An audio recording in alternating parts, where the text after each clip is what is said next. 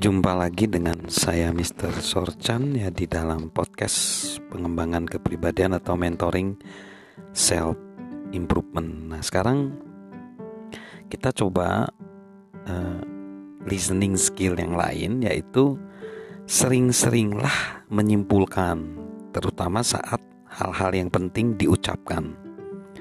Para ahli setuju bahwa cara paling efektif untuk mendengarkan adalah melakukannya dengan aktif. John H. Meljinger menyarankan, tanggapilah hal yang kita dengar dan buatlah komentar kita tertuju pada orang yang spesifik. Misalnya, kita bisa berkata seperti ini ya, Seril, hal itu pasti sangat penting bagimu Hal ini akan membantu kita tetap fokus ketika mendengarkan. Katakan lebih dari sekedar gini. Hal ini menarik.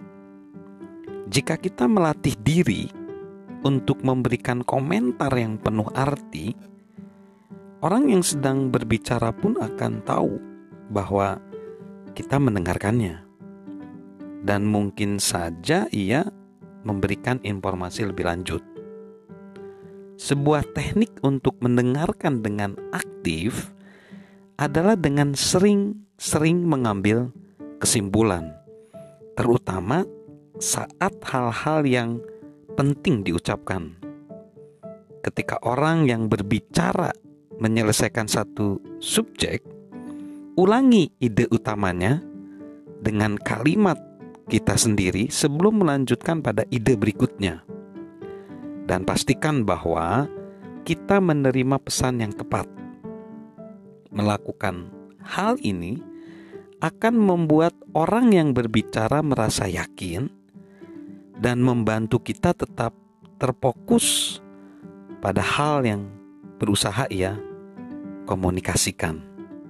Jadi itu sering-sering kita membuat kesimpulan ya, terutama pada hal yang penting.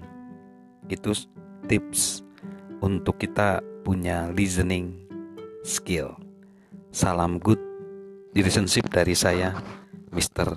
Sorchan.